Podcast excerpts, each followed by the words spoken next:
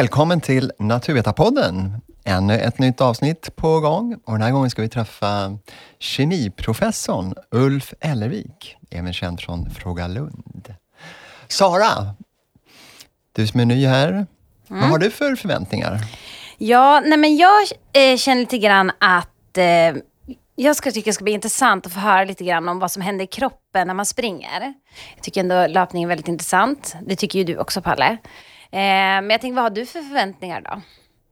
Jo, nej, men jag är lite nyfiken på det här med... Eh, jag vet att han har jobbat i Singapore och Schweiz och sådana mm. länder hur det är att forska där, om det skiljer sig någonting från Sverige. Och sen självklart det här vardagsnära kemin gillar jag också. Mm. Um, och då till exempel det här med eh, vad händer vid en förälskelse? Vad, hur, matlagning. Ja. Kan man rädda den här såsen som har skurit sig? det skulle jag också vilja veta. Ja, vi får se om man får en, kan ge svar på det. Ja. Mm. Vad tror du? Eh, jag tror nog att han kan. Det känns som att han har väldigt bra koll. Så att han kan nog svara jättebra på det, tror jag. Men då känner vi oss redo. Jajamän. Då sparkar vi igång. Ja. Kemins värld kan ju vara helt fantastisk. Jag minns ju själv min första kemilåda jag fick. Man kunde göra tvål och det puttrade och det sprutade och grejade. Men kemin kan ju också användas i lite onda avsikter. Och det har du tittat lite närmare på, Ulf Ellervik. Ja, men det stämmer bra. en bok. Ja, absolut. Eh, hur eh, hamnade du där? Hur hamnar det? I den onda kemin? Ja. Ja, ja men det, det är ju så här att uh, kemi är ett väldigt abstrakt ämne. Det är många som tycker att det är svårförståeligt. Vi kan inte se atomer, vi kan, uh, kan se vad som händer runt omkring, men, men det är ett ämne som är svårt att greppa. Och när man undersöker vad, vad människor tycker om kemi så, nej. Det är många som tycker att det, det är svårt, jobbigt, eh, ointressant, oviktigt. Och då blir man ju lite rädd. För att eh, kemin påverkas ju överallt. Och då gäller det liksom att hur ska vi locka människor att, att ja, men, tycka åtminstone ja, men det här med kemi, det verkar ju rätt spännande ändå. Och då tänkte jag för ett tio år sedan ungefär, tio år sedan ungefär att, att eh, vi gör tvärtom. Vi tar fasta på det här att kemin kan vara farlig. Och så skriver jag en bok som bara handlar om den mörka sidan. Och då tänker jag utifrån, jag menar, varför läser folk deckare? Inte är det för att de är intresserade av polisiärt administrativt arbete. Nej, absolut inte. Utan det är ju lite ond bråd död. Så jag tänkte, då kör vi det på kemin också. Och så blev det en bok som heter Ond kemi, som bara tar upp alla mörka aspekter. Och jag skulle säga att det här funkade. Det har varit uppmärksammad, ja. Ja, det, ja absolut. Och, eh, Säljer kanske bra fortfarande? Den, vi, vi säljer inte den längre, för okay. nu, nu är den så pass gammal. Jag menar, den är mer än tio år gammal och det, det är väl ungefär livslängden på en bok. Men, eh, men det finns fortfarande, ibland får jag förfrågningar om den. Eh, och eh, det, det är, vad kan vi sålt 30 000 exemplar kanske, vilket är oerhört mycket för en, en populärvetenskaplig bok. Så att någonting funkade. Vi slog an en sträng på det här med den mörka sidan. Och jag menar böcker, du har ju fortsatt skriva böcker. Det är liksom inte bara den onda sidan, utan även vad jag förstått, här, kärlekens sida. Jag var tvungen att backa upp där sen, så två år efter kom jag ut med en bok som heter. Njutning, eh, som, som, bara handlar om eh, alla härliga aspekter av kemi istället. Och eh, nu i höstas kom min tionde bok ut, som heter eh, Förundran som är en eh, ja, kärleksförklaring till vetenskap helt enkelt. Det är ett 40-tal små essäer om, om eh, varför vetenskap är fantastiskt. Och svaret på den frågan blir? ja, det, det, det, är ju en, en nyanserad bild där också. Men det är ju den här, det är just den här förundran. Jag tycker det är ett ord som fångar eh, naturvetenskapen väldigt, väldigt väl. Och naturvetare i synnerhet. Det är att vi är väldigt nyfikna. Och sen tittar man på saker och så petar man lite. Och sen då och då så dyker det upp någonting som, oj, vad hände där? Och så har man ju väckt den här förundran igen. Så petar man mer i det här och sen har vi ett helt forskningsprojekt igång. Det, det är ju liksom där, nästan oavsett vad man gräver så hittar man ju någonting spännande. Och just det här med kemin i vardagen. Ja. Jag tänker på uh, Sara, du ska ju springa ett maratonlopp här nu mm. snart. Mm, du precis. Uh, mm. tränar hårt här inför, det är april redan ju, ja. i Paris. Ja. Exakt, så det är inte långt kvar. Nej. Är det inte. Um, men, för jag tänkte, vi hade en, en, fråga då, som vi tänkte på. Och det är ju, eh, finns några eh, beröringspunkter till att springa maran? Några beröringspunkter mellan? Alltså över till, alltså, vi tänkte på det här med kärlekens kemi. Kärlekens kemi och springa Ja. mara. Alltså just kärlek är inte det man tänker på under mara. Nej. inte ens i Paris. Vet du vad? Mitt, mitt första maratonlopp som jag sprang var just i Paris. Aha. Ja, det är ju härligt. Det är ju, våren kommer ju där och det är en jättefin bana och man Mm. springer genom stora skogarna och det är folk som hurrar överallt. Och, eh, eh, men, men det du känner är ju, det är ju klart att, att det finns en... Eh, menar, allting handlar ju om vårt belöningssystem Mm. i hjärnan. Alltid. Och eh, vi får ju liksom kickar när vi gör bra saker som att vi överlever till exempel. Och, Mm. och, och, och det, ju, det handlar ju väldigt mycket om när man springer ett maraton. Ja. Jag menar, vad som händer är att du går igenom delar av det här belöningssystemet under ett maratonlopp. Mm. Men i början är det lite jobbigt och sen helt plötsligt så flyter det bara på. Liksom. Ja. Man är inne i runners high. Man slår på alla system i hjärnan och så är det jätte, jättehärligt. Eh, och visst, och det, det är en känsla som man känner igen från förälskelse också såklart. Så att vårt belöningssystem påverkar oss väldigt, väldigt mycket. Och sen är du klar med maratonloppet och har överlevt, ja, men då är det också väldigt gött att känna yes! Så, så att visst finns det belöningspunkter. Jag menar, allt, allt, allt vi gör handlar ju om belöningssystemet. Ja. Och det är där, det, är det min bok Njutning handlar om i väldigt hög grad. Mm. Just där hur vi kopplar in på det här på olika vis. Och vi människor är ju oerhört kreativa att hitta sätt att njuta.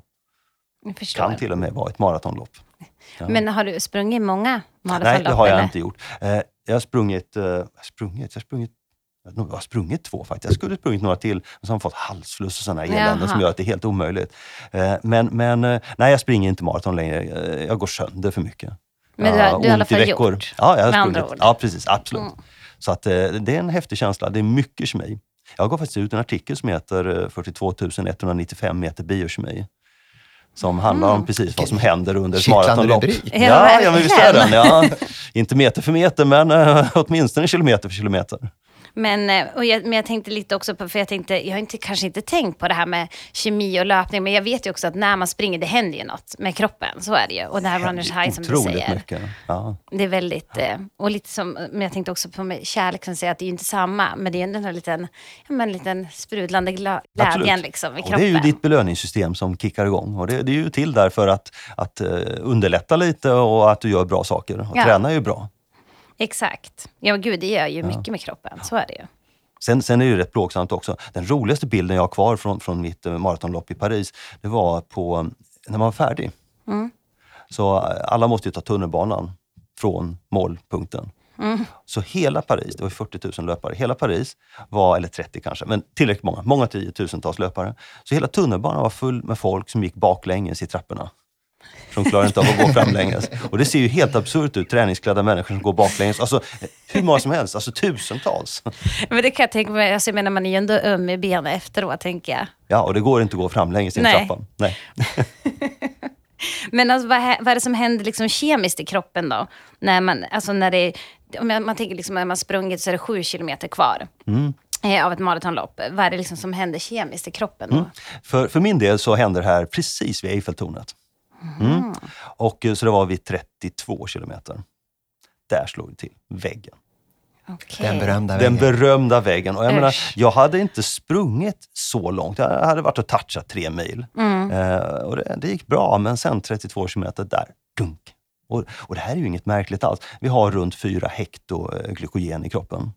Så det mesta ligger i musklerna, så ligger lite i levern också. Och det här kan vi liksom skaka fram. Och det räcker till lite drygt tre mils löpning. Mm. Sen är glykogen slut. Sen finns det ju inte en kolhydrat lättillgänglig Nej. kvar i kroppen.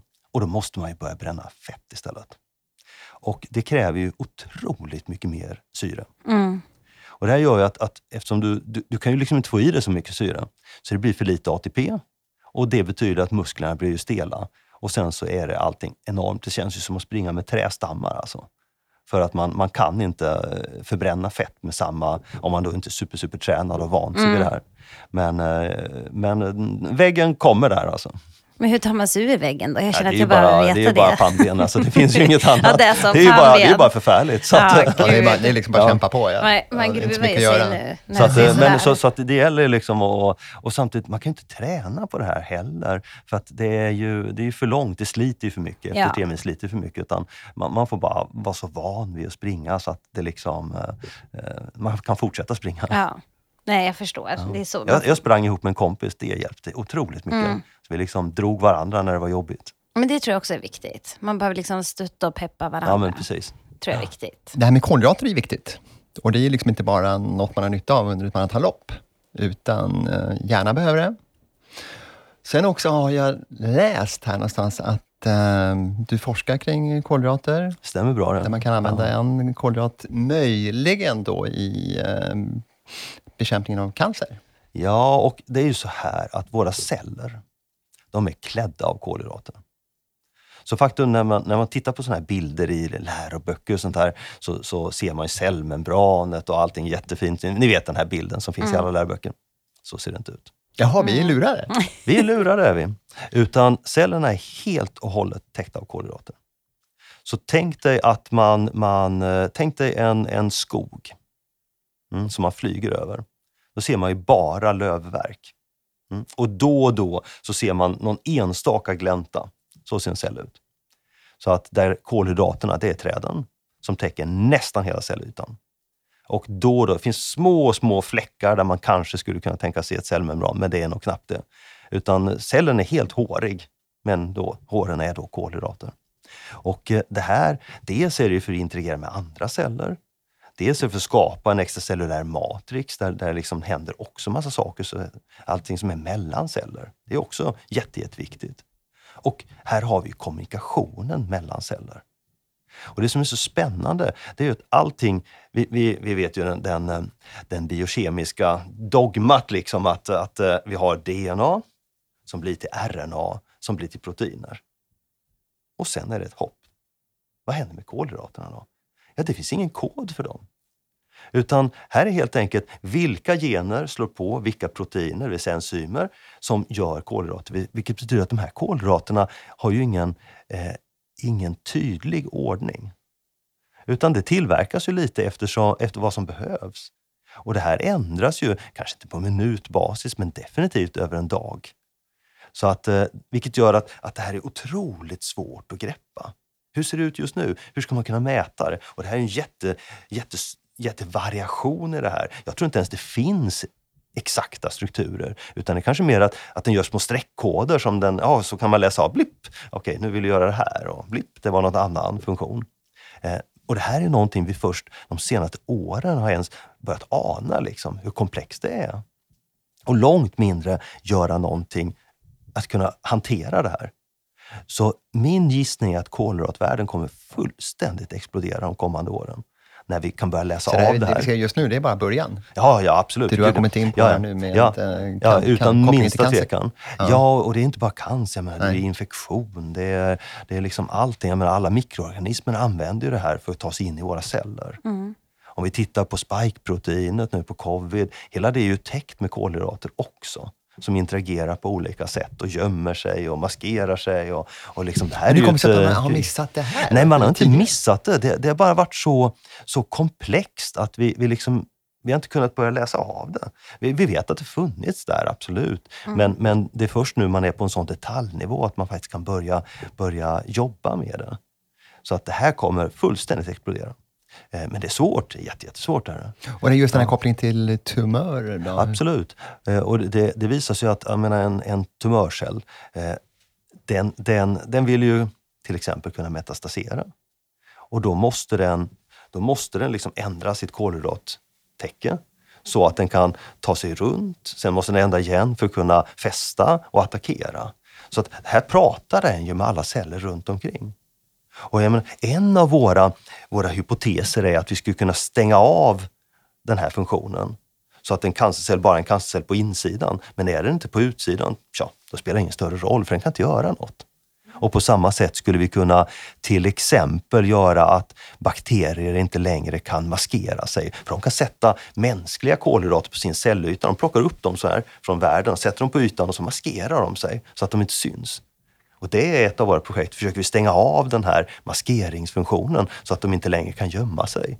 Och då kanske antibiotika börjar fungera jag bättre säga igen. det, skulle alltså kunna vara ett alternativ till antibiotika? Ja, inte ett alternativ, men en, ett komplement skulle jag säga. Vi gör dem känsligare igen.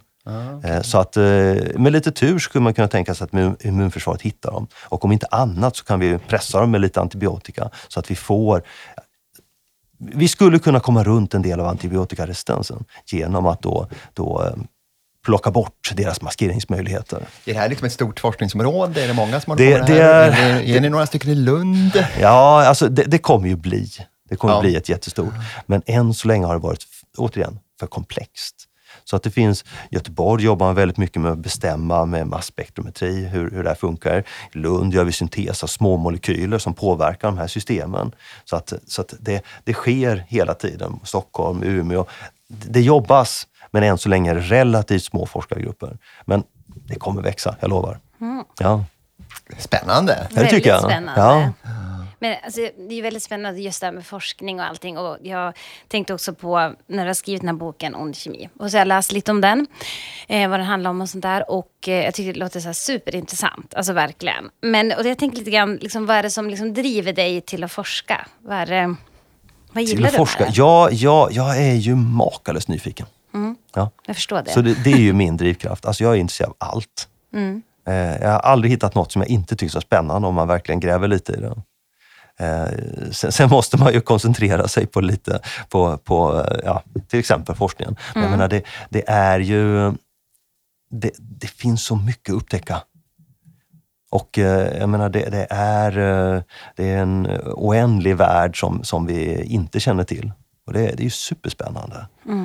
Man tycker ja, alla stora upptäckare, men jag tror alla generationer har sagt att ja, men de stora upptäckterna gjordes av dem innan oss. Mm, kanske det. Men, men jag tror att vi har lika mycket hela tiden. Så, så att drivkraften är ju nyfikenhet. Sen är det ju härligt att jobba med andra nyfikna människor. Det blir ju en otrolig energi i det. Det kan jag förstå. Ja. Jag tänkte på den här kopplingen till studenter, för du var Ja. studenter också. Och Ja, doktorander absolut. kanske också. Ja. Postdoktorer. Eh, och det är väl också en drivkraft? Ja men visst är det det. Jag menar, det, det är ju återigen det här att, att, att jobba med... Dels, dels är det ju en stor förmån att, att vi, vi... eh, Det är nya människor hela tiden. Vi jobbar med människor under en period av ett par år. Eh, Och sen det nya. Och det, det är ju det här som är så viktigt. Jag menar, ska vi vara kreativa så måste vi ju hela tiden få nya input. Vi måste träffa nya människor. Jag menar, jobbar vi med samma människor och aldrig byter, men då, då stagnerar ju allting. Det kommer inga nya idéer. Eh, egentligen ska man ju byta eh, universitet vart femte, tionde år, något sånt där. Det har egentligen varit det bästa. Eh, Men, men, men sen, sen så kommer det såklart massa sociala, det är jättesvårt att rycka upp familj och, och flytta kan man, runt och det blir kan man dyrt. tänka sig att utbyte med eh, näringslivet? Skulle du kunna tänka dig Absolut, här absolut. ett tag? Och sen så Absolut. Jag menar, det finns så många, det viktiga är att vi, vi har ju valt att eh, i familjen valt att försöka istället att bo utomlands lite då och då. Just att, att försöka få en ny miljö. Så vi har bott i Schweiz, vi har bott i Singapore. Och, eh, och, och det, det är ju en, en rejäl vitamininjektion alltså. Att, att eh, kasta sig in i en helt ny kultur och man måste ifrågasätta allt man gör för det finns ingenting som funkar som, som man är van vid. Eh, och det gör ju att man blir mer kreativ. Och så nya människor såklart, som har helt andra idéer, helt andra eh, uppfattningar om hur verkligheten ser ut. Det är ju fantastiskt. Så att eh, vi, vi måste, och, men där är ju en förmån att vara på universitetet. Det kommer ju nya studenter, eh, eh, nya doktorander, nya postdocs som var och en har sina erfarenheter. Och sen blandar vi här så kommer nya idéer. Så, att, eh, så det är jättekul. Vi, vi har ett, ett eh, makalöst kul projekt nu som jag tror det kommer utifrån i princip en fikarumsdiskussion. Där vi, där vi kommer fram till att vi ska slå oss på 3D-printning. Ja. ja, för nu, det, det som har hänt nu den senaste printa tiden. ut vad? Printa ut, ja, och nu kommer det spännande. Dels, dels kan vi printa ut labbutrustning faktiskt, så man får precis det man behöver, reservdelar till exempel. Men det är ju ganska tråkigt. Men det som har hänt nu är att, att 3D-printern har gått ner i pris så mycket så att det är hanterbart. Eh, Så, så nu, nu får du, får du en, en bra 3D-printer för ganska lite pengar. Så vad vi gör det är att vi skriver ut eh, modeller av enzymer. Mm. Så vi har ju tredimensionella modeller från kristallstrukturer och nu skriver vi ut dem eh, i en sån skala så att våra molekylmodeller passar. Så 1,25 ångström, 1,25 centimeter per ångström får man så här stora proteiner, jättestora, som ja, vad kan det vara, halv meter stora.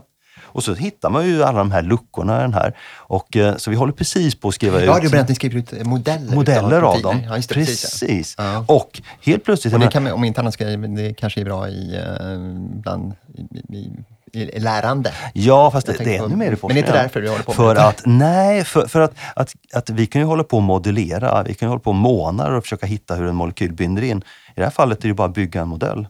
Och så tittar man, menar, mänskliga synen och känseln och det här, det är en helt annan känsla.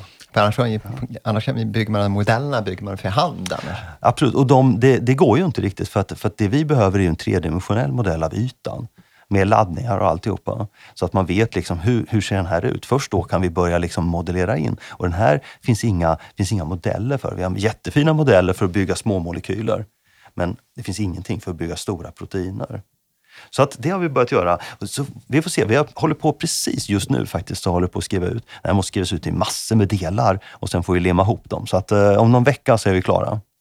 Så man skriver ut en del per dygn ungefär. Så det tar rätt lång tid, men eh, vi kan vänta. Tålmodigt. Ja, Men nej, jag tror det här kommer bli eh, superspännande. Vi skriver ut små modeller, men bara man tittar på den här direkt ser man, wow, är det så fickan ser ut i det här proteinet? För att man ser ju inte det här tillräckligt bra i en datormodell. Även med 3D-glasögon så blir det inte tillräckligt bra. Så att eh, det här tror jag mycket på. Och blir det liksom lika perfekt då, som en datamodell?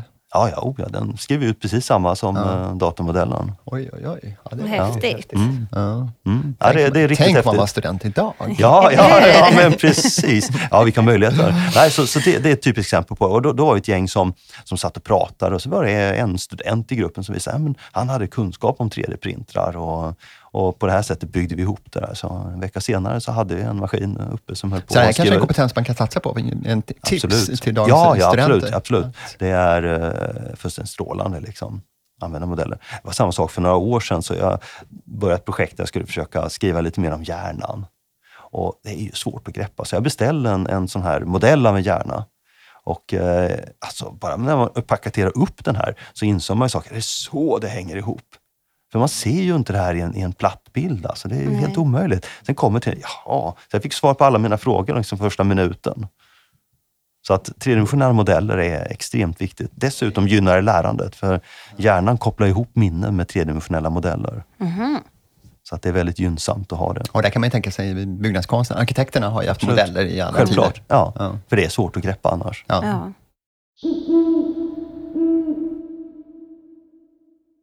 Nej, men jag tänker att vi kör eh, tre snabbare, så jag kommer nämna tre saker. Liksom. Och så ska du säga det första du liksom tänker på när jag säger det här. Okej, vi får se. Eh, ja, så då börjar jag nu då. Eh, elsparkcykel. Elsparkcykel.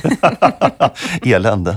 Ja, Ja, Vill du utveckla lite? nej det behövs inte. Det räcker. Ja.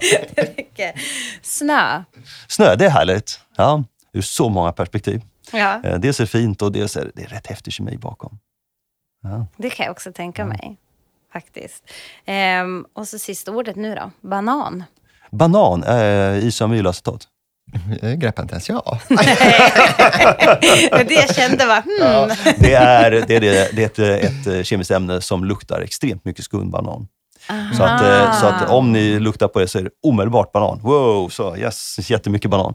Eh, det, jag använder det som ett av exemplen när jag försöker förklara hur vårt luktsinne fungerar. Så om man bara förlänger acetatsidan av den här esten med två kol så blir det ananas istället. Det är rätt häftigt.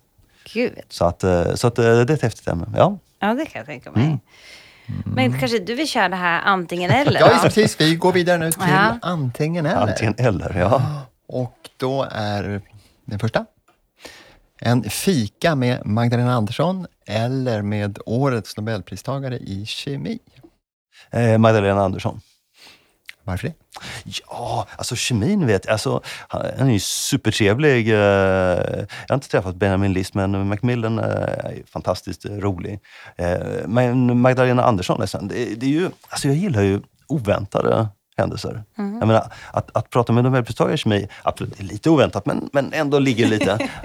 Betydligt mer oväntat att ta en fika med Magdalena Andersson. Ja. Än Vad skulle, vad skulle du säga till henne? jag är mest nyfiken liksom på, på hur det funkar. Man får ju säga grattis till att börja med. Eh, Men, men sen, sen eh, det, är ju, det är ju inget lätt jobb. Nej. Det måste ju vara det svåraste jobbet man kan tänka sig. Mm. Så jag är så otroligt imponerad av människor som tar den typen av uppdrag. Ja. Netflix eller teater? Oh, nej, det är, jag är ju en svag människa, Netflix. Oj, ja, det var lite oväntat. Oväntat. Nej, men, men det är ju så här, te- teater är ju fantastiskt, men, men, men det, är ju, det är så fullständigt olika eh, det är så fullständigt olika sätt att... Teater är ju mer det är ju någonting du, du väntar på, du klär upp dig, det är, det är ett projekt, man måste ta sig någonstans. Eh, så att det är ju allt annat än vila. Men vill man vila, då är ju, ja, du går och lägger dig i soffan och tittar på precis vad som helst. Eh, det, det, det, det, det går ju liksom inte att jämföra de här ens. Det är Men, två, men, två helt olika upplevelser. Två helt olika upplevelser. Och nu, nu ska jag ju säga, vi skaffade alltså Netflix för um, typ två dagar sedan. Så det, det är Jaha. årets julströmmade tjänst. Ah. Okej, ja, det. Sen stänger vi av den igen i, i januari. Vad det jag tänkte, för jag tänkte om du föredrar att kolla på serier eller nej, film nej, det gör jag eller... inte. Det, det är faktiskt så här i ärlighetens namn att jag, jag tittar väldigt lite på TV för att Mm. jag hinner inte det. Nej, jag. Eh, skriver jag böcker så tittar jag inte på TV. Nej. Men när jag inte skriver böcker, just nu skriver jag inte böcker, så är det väldigt, väldigt skönt att titta på TV. Ja. Just för att det, det är en annan... eh, Men, men sen så, jag tittar inte på alla avsnitt samma dag. Liksom. Nej. Absolut inte, utan det, för det hinns inte heller. Nej. Det kanske blir något avsnitt i veckan ändå. Ja, det är ganska trevligt. Så att, eh, nej, nej, absolut. Äh, Det, det går ju liksom inte, det ena är inte bättre än det andra. Det är, det är helt olika upplevelser. Ja. Men teater är ju, något, något, det är ju mer som en bankett snarare än en hemmamiddag. Liksom. Ja.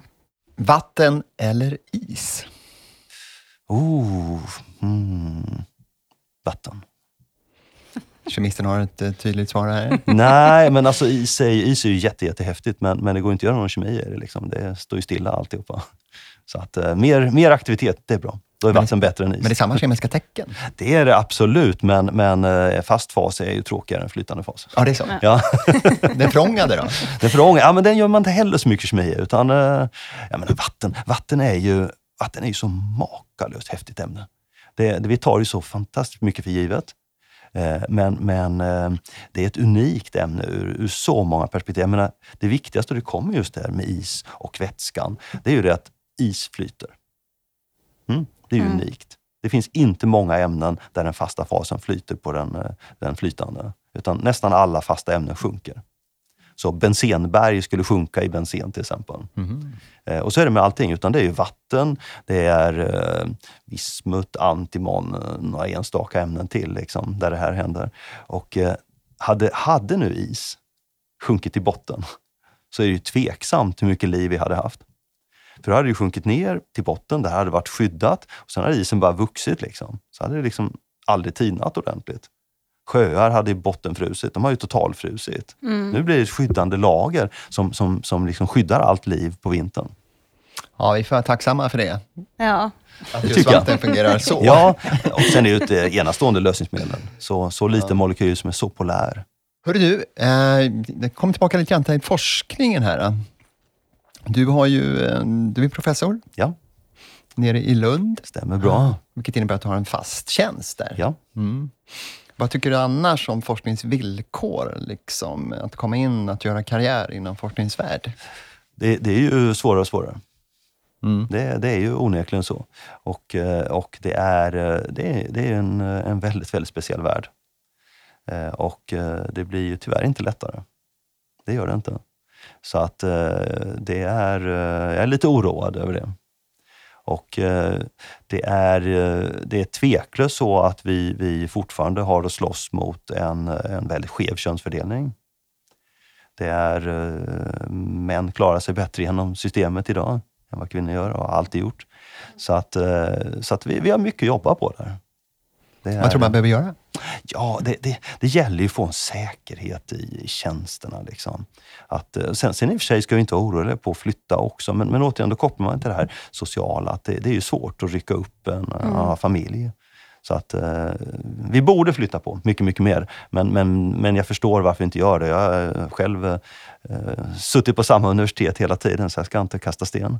Men Eh, du har ju varit ute och rört på det. Tänker Ja, jo, men det absolut. Ja, det har jag gjort på, på absolut. Eh, Om man jämför. Ja, jo men absolut. Men, men, men på det stora hela rör vi oss för lite och det är för svårt att röra sig framförallt. Det är det som är, är problemet. Det är nästan omöjligt att flytta på sig. Eh, Systemet cementerar fast den, för om man flyttar på sig, ja, men då tappar man tid, man får igång något annat och det är jätte, jättesvårt. Och som sagt, det är väldigt svårt för, för unga forskare att komma in. Eh, och problemet ligger väl lite grann i att vi, vi, eh, vi använder mer och mer pengar till att administrera. Mm. Där har vi problemet. Samtidigt som vi gör mer och mer själva också. Att, att eh, man ska sköta all administration samtidigt. Det, det är otroligt märkligt. Det, det läggs på, eh, vi har ju hela, hela tiden utredningar vi måste hantera.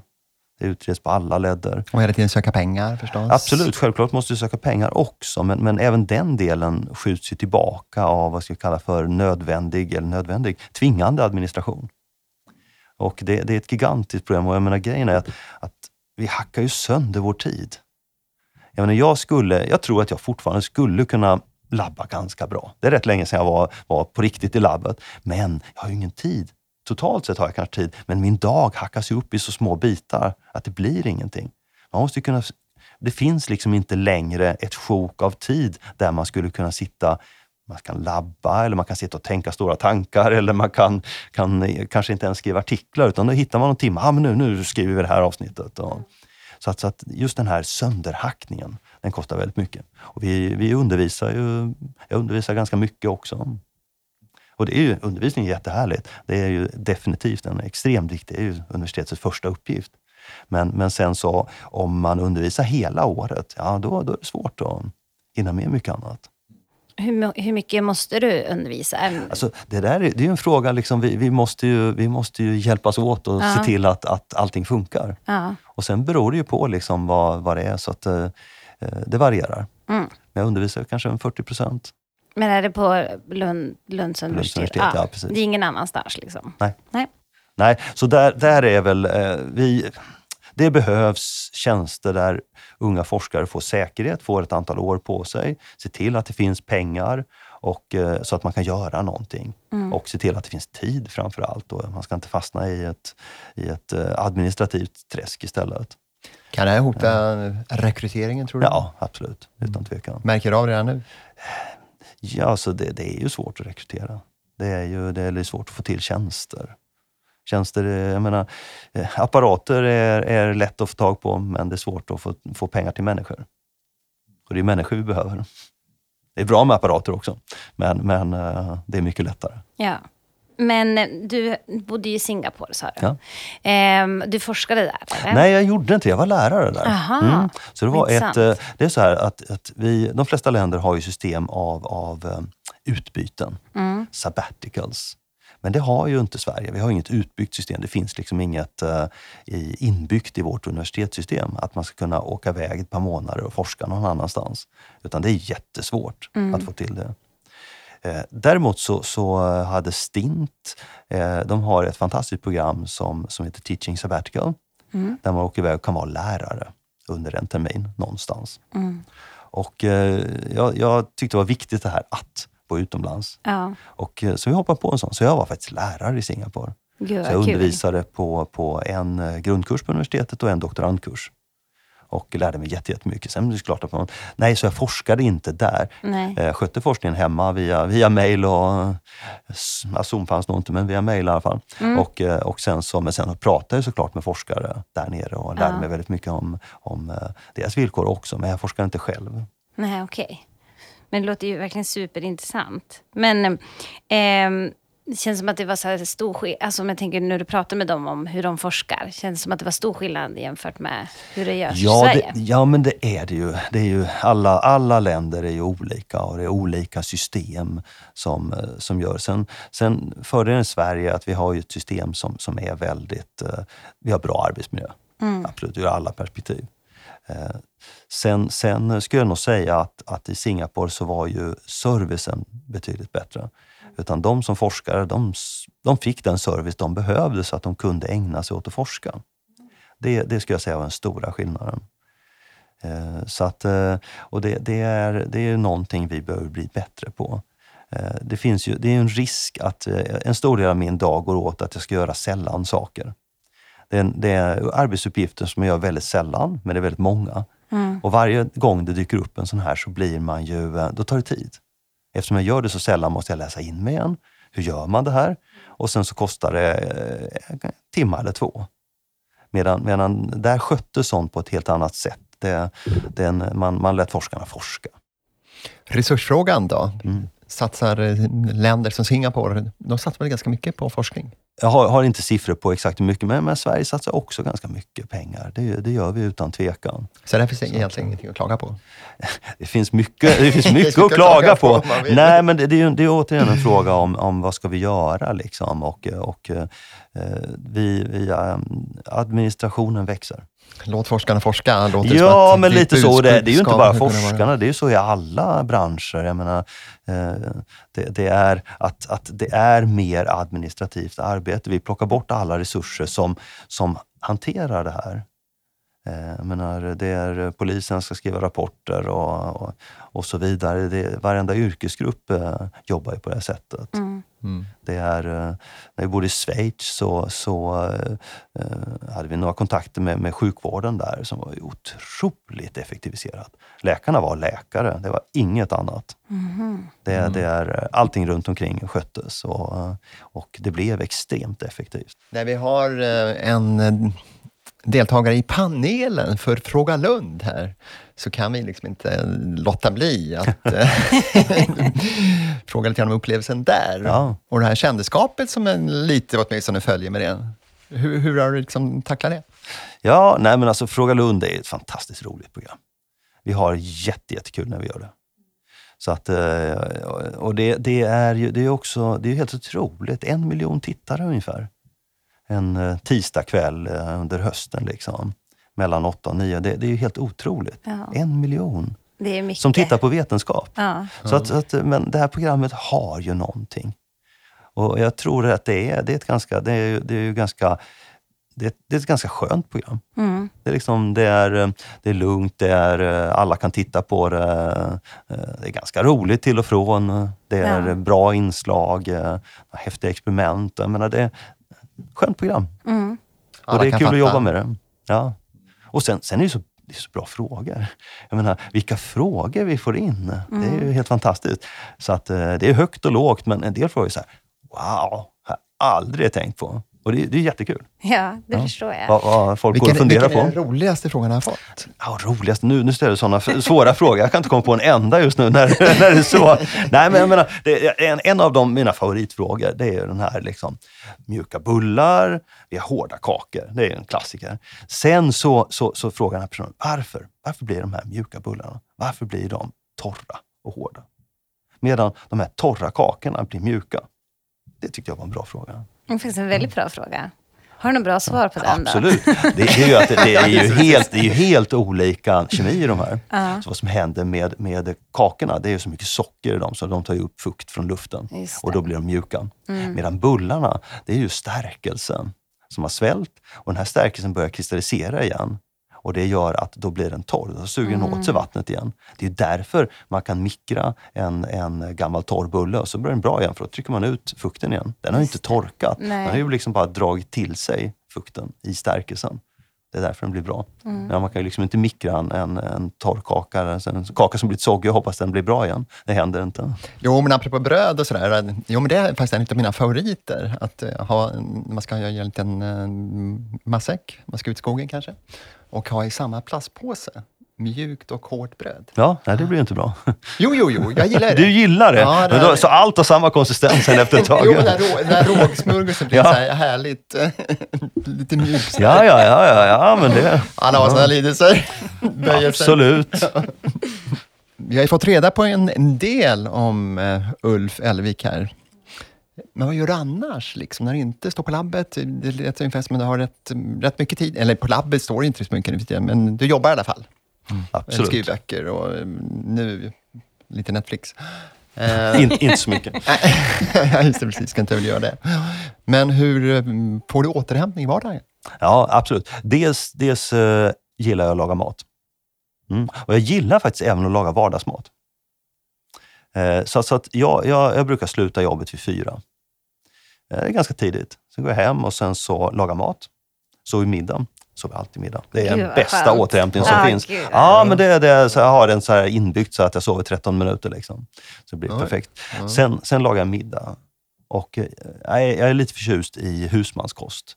Min mormor föddes 1907 och hon var kokerska bland annat. Och, eh, och eh, varje sommar när jag var liten så, så bodde jag på veckor hemma henne. En småländsk husmanskost då i två veckor. Så det blir det. Så jag lagar kroppkakor och allt, allt sånt där. Eh, sen annan mat också, men, eh, men husmanskost är trevligt. Så det, det är en del av återhämtningen. Eh, och sen så älskar jag att springa. Så att, springer eh, gör du fortfarande? Absolut. Och eh, jag tycker det finns en liten, eh, alltså man måste ju ha det i Sverige, det är helt omöjligt annars. Jag tycker det finns en liten njutning att springa i mörker. Oj. Ja, du gillar jag, det? Mm, jag gillar det. Alltså inte när det är kallt. Nej. Det skulle helst vara varmt och, och mörkt. Men, men det är det ju aldrig, så man får stå ut. Eh, men jag har en riktigt, riktigt bra pannlampa. Du och, och då springer man i sin lilla ljusbubbla. Och den, eh, och jag springer inte i stan, jag springer ute på landet. Ja. Man, jag kan se rådjur och allt möjligt. Och det, det är lite häftigt. Man, Men det låter ändå egen- mysigt, Ja, det är jättehärligt. Man, eh, det är lite meditativt där Mm. och eh, världen begränsas till den här ljuskäglan som Ja. man, man springer runt med. Så man borde egentligen ha en pannlampa. För jag tänker bara att det är jobbigt att springa mörker, jag ser ingenting. Och så Nej, nej. håller jag alltid på att snubbla på rutter. Ja, nej, nej. Så nej att, så, att, så att man ska ha en av de här moderna som har två lampor. Ah. Så en lampa som går rakt ner, så man ser var man springer, och en som går rakt Mm. fram, så man ser vad som händer längre fram. Men så får man investera en sån då. Det, det, är, en bra, det är en bra investering. Ja. Det, det måste jag faktiskt säga. För att jag, jag köpte min första sån för fem år sedan. Och eh, det var en helt annan upplevelse. Ja. Så att eh, så numera, de väger ju ingenting heller. Nej. Så att det märks ju inte att man har den på sig. Så att, eh, sen får man, den är så stark så man får ju blända av om det kommer bilar. så att, men det kan jag rekommendera. Så det, det är en eh, otroligt meditativt att springa i mörker. Ja, men då får man testa det. Kanske få önska sig julklapp då. Helt enkelt. Mm, bra tips. Men kan du släppa kemin då, liksom, när du lagar mat? För det är mycket kemi i matlagning. Ja, nej, nej, det kan jag inte. Utan det är ju en stor förmån att vara kemist när man lagar mat. Nej, men jag förstår ju vad som händer. Hur räddar en sås till exempel? det beror ju vilken sås det är. Har du bränt den så är det kört. Ja, då är det kört, bara att förstås. hälla ut den. Men jag säger att den skär sig. eh, vad- förlåt? Att den skär sig? Ja, men, men det, det går ju att rädda. Det är ju bara att börja om. Liksom. Kyl ner och... Vad gör att man skulle kunna lägga in en äh, äggula? Ja, ja, men absolut. Man kan ju Eh, börja om med, en äggula. Absolut. Ja, ja, ja, ja, det är inga Mm. problem. Det, det är ju, det är ju alltså, oftast räcker det ju... Det, om en sås skär sig så är det för att man har för bråttom. Att, att råvarorna är inte tempererade Nej. och då kommer det hända. Så att man får inte ha bråttom om man ska göra en sån sås. Så att det, då får man göra någon annan. Då kan man göra en beurre blanc istället, det är mycket enklare. Mm. Och sen när man steker maten, maillardreaktioner. Hur mycket som helst. Finns det någonting som heter? Kommer Ja. jag ihåg? Absolut. Så att, eh, nej men det, allt är ju kemi vad gäller mat. Och, och jag menar, det gäller ju att ha koll på, eh, jag jobbar jättemycket med termometer. För att ja, har man koll på termo, termometern på oavsett vad det är man tillagar så, eh, så blir det ju otroligt mycket bättre. Det kan jag förstå. Du har aldrig tänkt på att vara med i de här matlagningsprogrammen? när man tävlar? nej, nej, verkligen inte. Eh, mat, mat är för mig eh, av, avkoppling. Ja. Liksom. Jag är inte någon proffskock på något sätt alls, utan jag tycker bara det är väldigt härligt att laga mat. Men vissa tycker att det är ett sätt att koppla av, Mm, att laga absolut. mat. Ja. Jag tycker att det är fruktansvärt. jag tycker det, det är pest. Ja, nej, nej, jag tycker det är ganska... Eh, nästan alltid så är det rätt skönt. Man lugnar ner sig, man står Ja. där och vispar lite och tar fram lite. Och, så, jag brukar, recept, det är mer inspiration än att följa. Och det är ju ganska skönt. Ja, Förutom vissa saker. Bakning, det går inte. Då måste man följa recepten exakt. ja. Annars blir det inte bra. Nej, exakt. Nej, men det börjar kännas lite grann som att det har varit en ganska bra avrundning, tycker jag, Mm. med eh, matens kemi. Absolut. Den boken har du inte skrivit? Jag har skrivit, jo men det har jag. Eh, Den heter Frukost. Aha. Ja. Det är en, en, eh, en bok, den ser ut som en kokbok. Mm. Men så den är till för att lura, lura folk som, som åh kolla en kokbok om frukost, så är det en kemibok egentligen. så, att, så det är frukostens kemi. Så jag går igenom vad som händer när man steker bacon och kokar ägg och bakar bröd och gör eh, birkermüsli och filmjölk och sånt. jag, jag kanske borde läsa det, då kanske jag kommer tycka att det är kul att laga mat. Ja, Ja, inte omöjligt. kanske det jag borde ja, göra. Ja. Precis. Testa det. Och sen kan jag mycket väl tänka mig också att det här kan vara en ingång till de som är till kemins värld. ja, absolut. Det är, det är det som är tanken. Ja, det är väl så. Ja, nej, men vi tackar dig så mycket, Tack Ulf. så mycket. Ja, tack så mycket själva. Mm.